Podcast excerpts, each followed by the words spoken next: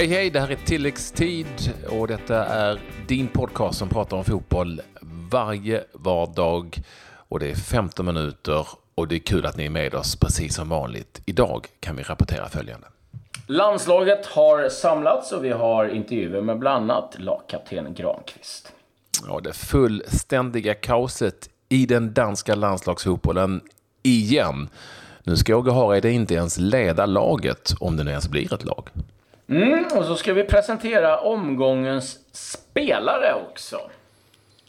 Kan ha varit eh, den omgång då det har varit som allra enklast att ta ut en spelare. Det är svårt ibland, men den här gången satt juryn inte speciellt länge. Vi återkommer om detta. Vi inleder med...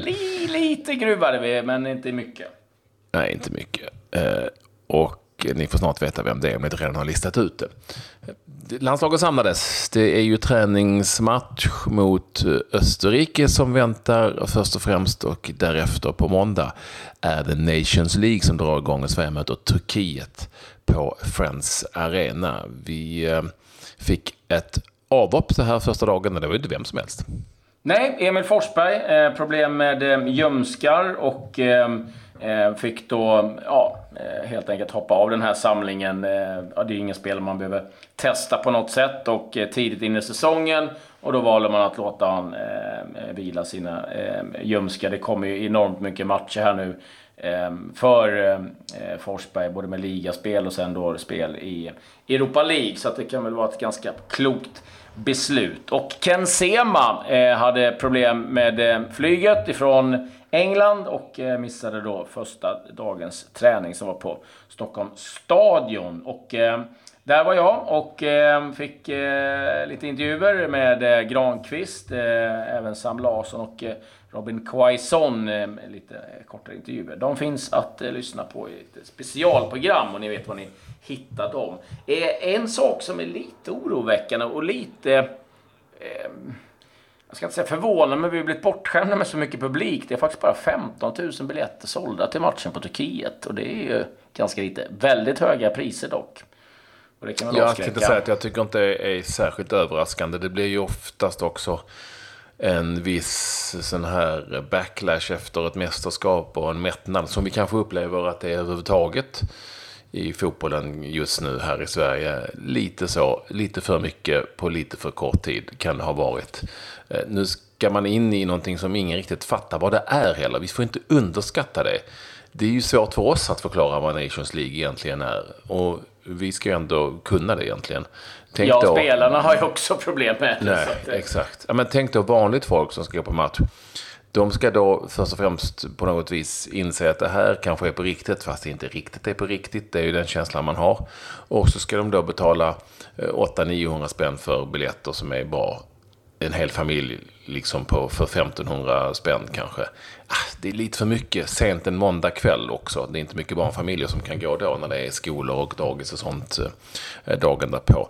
Jag är inte jätteförvånad, absolut inte. Förvånad är jag över att förbundet inte har lagt sig på mycket, mycket lägre biljettpriser. Där har man verkligen ja, överskattat VM. för det tyckte jag att man var ganska bra på innan. Alltså, jag, jag, det var mer förvånad med. Vi har haft 45-50 000 och nu är det 15 med, med liksom ett landslag som kommer hem för första gången efter VM-succén. Det var lite det jag kände kanske. Men, eh, Men det är kvalmatcher och det är viktiga kvalmatcher. Då har man fattat vad det har varit. Jag, är ja. jätte, jag tror säkert att den här produkten som det så fint heter, folk vet inte vad det är för någonting. De vet inte vad de köper. Och dessutom, glöm inte, sent en måndag kväll.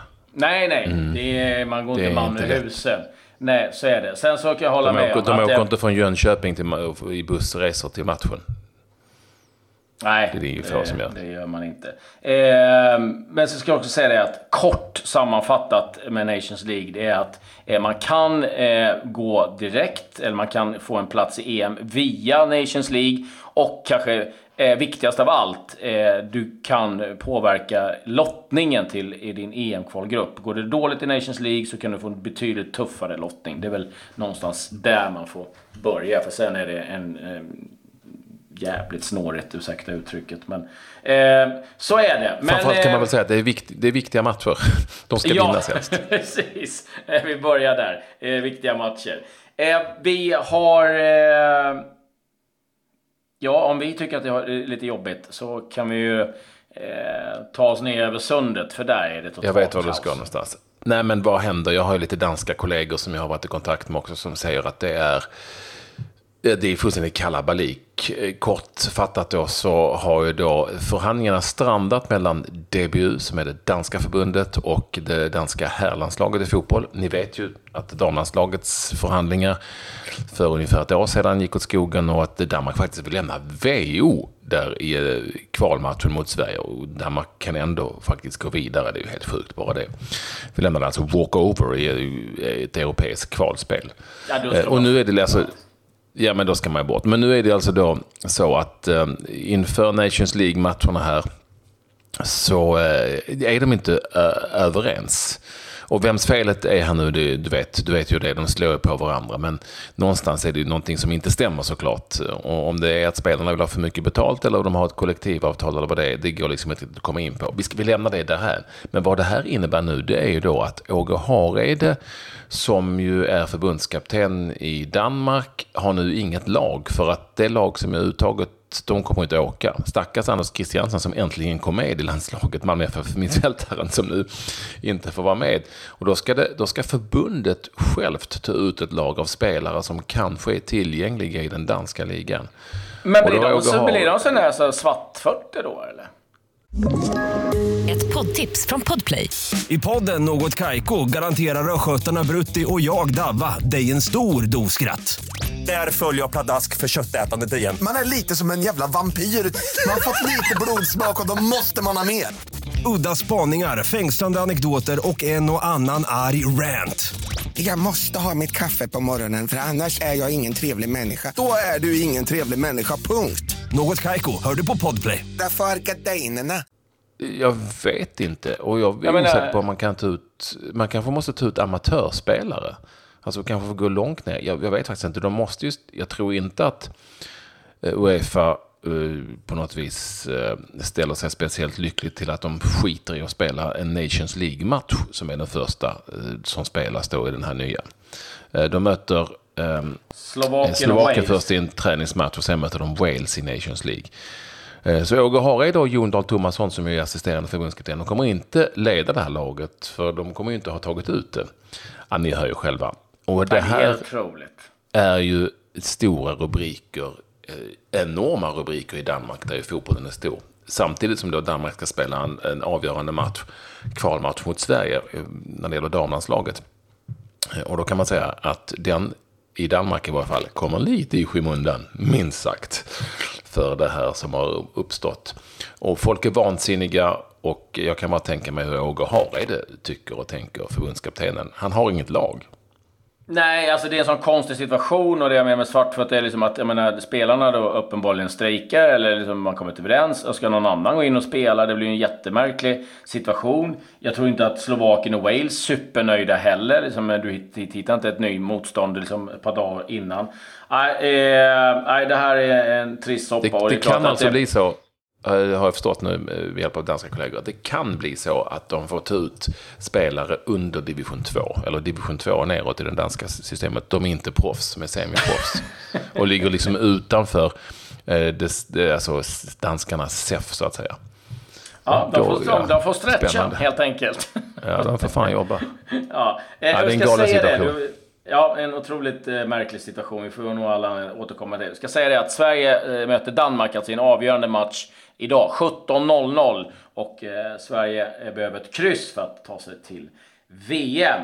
Ja, vi, vi släpper eh, danskarna och eh, tittar lite i övrigt. Det är nu helt klart att eh, Ronaldo, eh, den riktiga, eh, är nu eh, definitivt ägare och president av eh, spanska klubben Valladolid. Och det där är ju helt otroligt egentligen. Ehm, Eh, ja, se hur han eh, eh, klarar sig som president, den gode Ronaldo. Eh, lite övergångar att eh, rapportera. Eh, trots att fönstret stängt så är det ju en del spelare som har varit så här, free agents. Eh, Gareth McCauley som eh, var lagkamrat och mittbackskollega med Jonas Olsson många år i West Bromwich är klar för Rangers. Det är Steven Gerrards femtonde värvning Eh, och han krigar på. Jag tror att han är 39 bast nu, men eh, han, han eh, kör på. Eh, Federico Macheda, kommer du ihåg honom? Underbarnet, mm. italienaren som slog mm. igenom i, i Italien. Han är klar för Panathinaikos. Och Claudio Marchisio lämnar Juventus och lite överraskande måste jag säga, eh, signat på för Zenit Sankt Petersburg. Eh, pratas ju faktiskt ganska mycket om Monaco, men han hamnade där. Jordan Henderson i Liverpool har förlängt sitt avtal, skrivit på ett flerårsavtal med eh, Liverpool och eh, givetvis väldigt nöjd med det. Vi har Erdal Rakip som eh, nu är inskriven för Benfica. Det var ju tal om att han skulle utlånad till Sochaux, men nu eh, blir det i Benfica. Men eh, de har ju köpt in ganska många mittfältare så att det finns nog ganska stor risk att det blir spel i andra laget i Benfica. Alltså, han, kommer, han kommer inte iväg helt enkelt och har hamnat Nej. i en väldigt knepig situation. Mm. Minst sagt. Eh, och eh, ja, hela den här övergången har vi diskuterat flera gånger och känns ju eh, konstig. Om vi uttrycker oss så. Ja, den är ju inte helt... Eh, ja, eh, bra Den är konstig. utveckling. Ja, eh, så, så, kan man säga. Lite mer Liverpool-nyheter. Ah, jag kör på här nu. Eller har ja, du något som du vill sticka emellan jag, sitter med? Jag, jag, jag kan ju vara lite färsk här, men tar du en Liverpool-nyhet så kommer jag vara lite färsk. ja, då tar jag en. Eh, en stor snackis i, i England det är ju att Liverpool och Jörgen Klopp har anställt en dansk eh, Eh, kille som eh, ska jobba med lagets inkast, eller han jobbar med lagets inkast. Och jag älskar hans uttalande. Jag har tänkt på inkast i varje dag i 15 år. Eh, mm. Kanske dags att skaffa sig något annat intresse också. Men eh, Thomas eh, Grönmark eh, är inne på att det finns väldigt mycket att vinna på det. Och det, det kan jag hålla med om. Med statistiken, han plockar fram det att ungefär hälften av alla inkast som tas eh, går i stort sett till motståndaren ganska eh, direkt. Det. är klart. Och sen kan lite, han kan få... Ja, ja, fortsätt. Ja, nej men det är så här. Han är som specialiserar sig på långa inkast, snabba inkast eh, och, och, massa detaljer i det här. Och det är klart att i England så har de ju haft jätteskoj åt det här och sagt att nu ska vi skaffa avsparkscoacher. Och ja, ja du vet, det, det finns ju ingen hejd mm. på det. Men eh, han tar det med, med godan ro och eh, tycker att ja, ja, de får köra på. Men, eh, ja, men alltså, jag är benägen, förutom att han verkar lite knäpp den här dansken, eh, och bara tänka på inkast. Eh, så, så är jag benägen att säga att många fotbollsspelare är för kassa, usla på inkast. Se till så att bollen bara försvinner. Eh, ja. Även vanliga kort in. Så det, det, det, finns mycket där och det håller jag med om. Det finns mycket där. Eh, och så. Sen, är ju, sen vet jag, han har säkert haft ett finger med i spelet när det gäller Midtjyllands spel. Jag tror inte det. Med tanke på att de drog iväg långa inkast så fort de var över halva linjen. Lite Stoke City-varning på det helt enkelt. Det såg ja. vi mötet, dubbelmötet med Malmö FF. Det, det är säkert. Men jag gillar ändå liksom att man tar in honom. Eh. Ja, jag också. Kanske har han en chans att ta en plats i det danska landslag som ska möta Slovakien och Wales. Det vet man inte. ja, det är mycket inkast.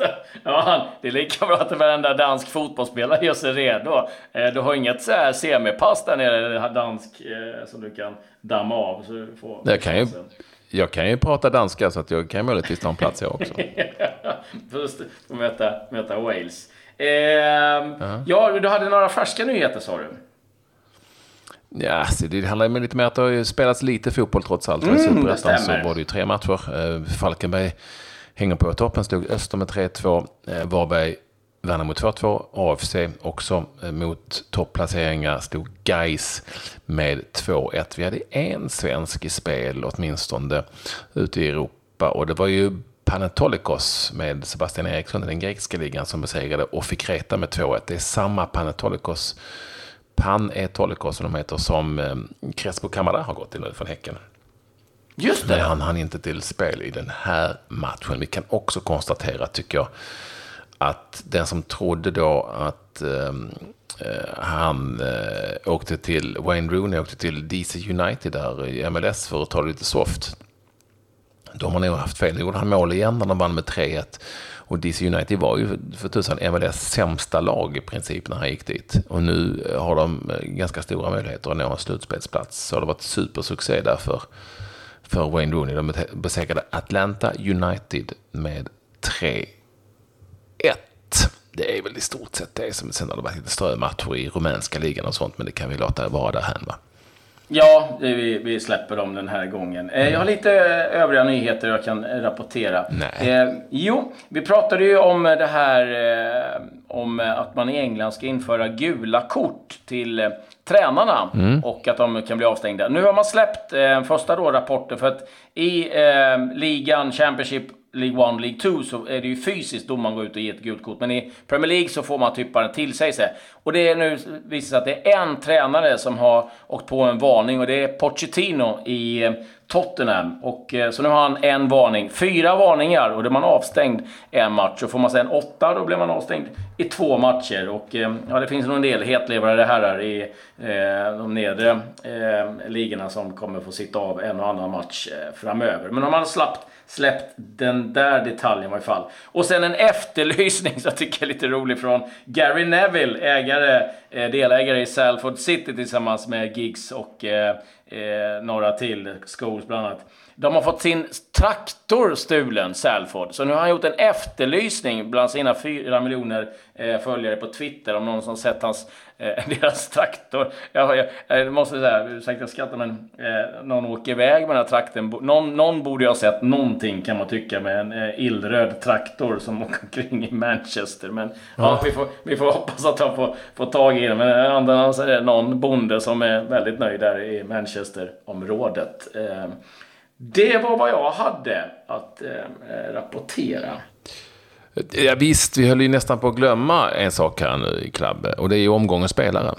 Ja, precis. Eh, och som du var inne på, det var väl kanske inte jättesvårt eh, att, att välja spelare den här gången. Och det var ju en spelare som hade en ny roll i sitt lag och eh, låg bakom en efterlängtad eh, derbyseger för Djurgården. Vi pratar givetvis om Erik Johansson. Som får en klocka från Carl Edmond som alla andra omgångens spelare får. Och eh, vi gratulerar honom till eh, den här utmärkelsen. Nu säger vi tack och hej. Lyssna på oss igen imorgon och missa inte Klabbes landslagsintervjuer. Mycket, mycket lyssningsvärda. Adjö! Adjö.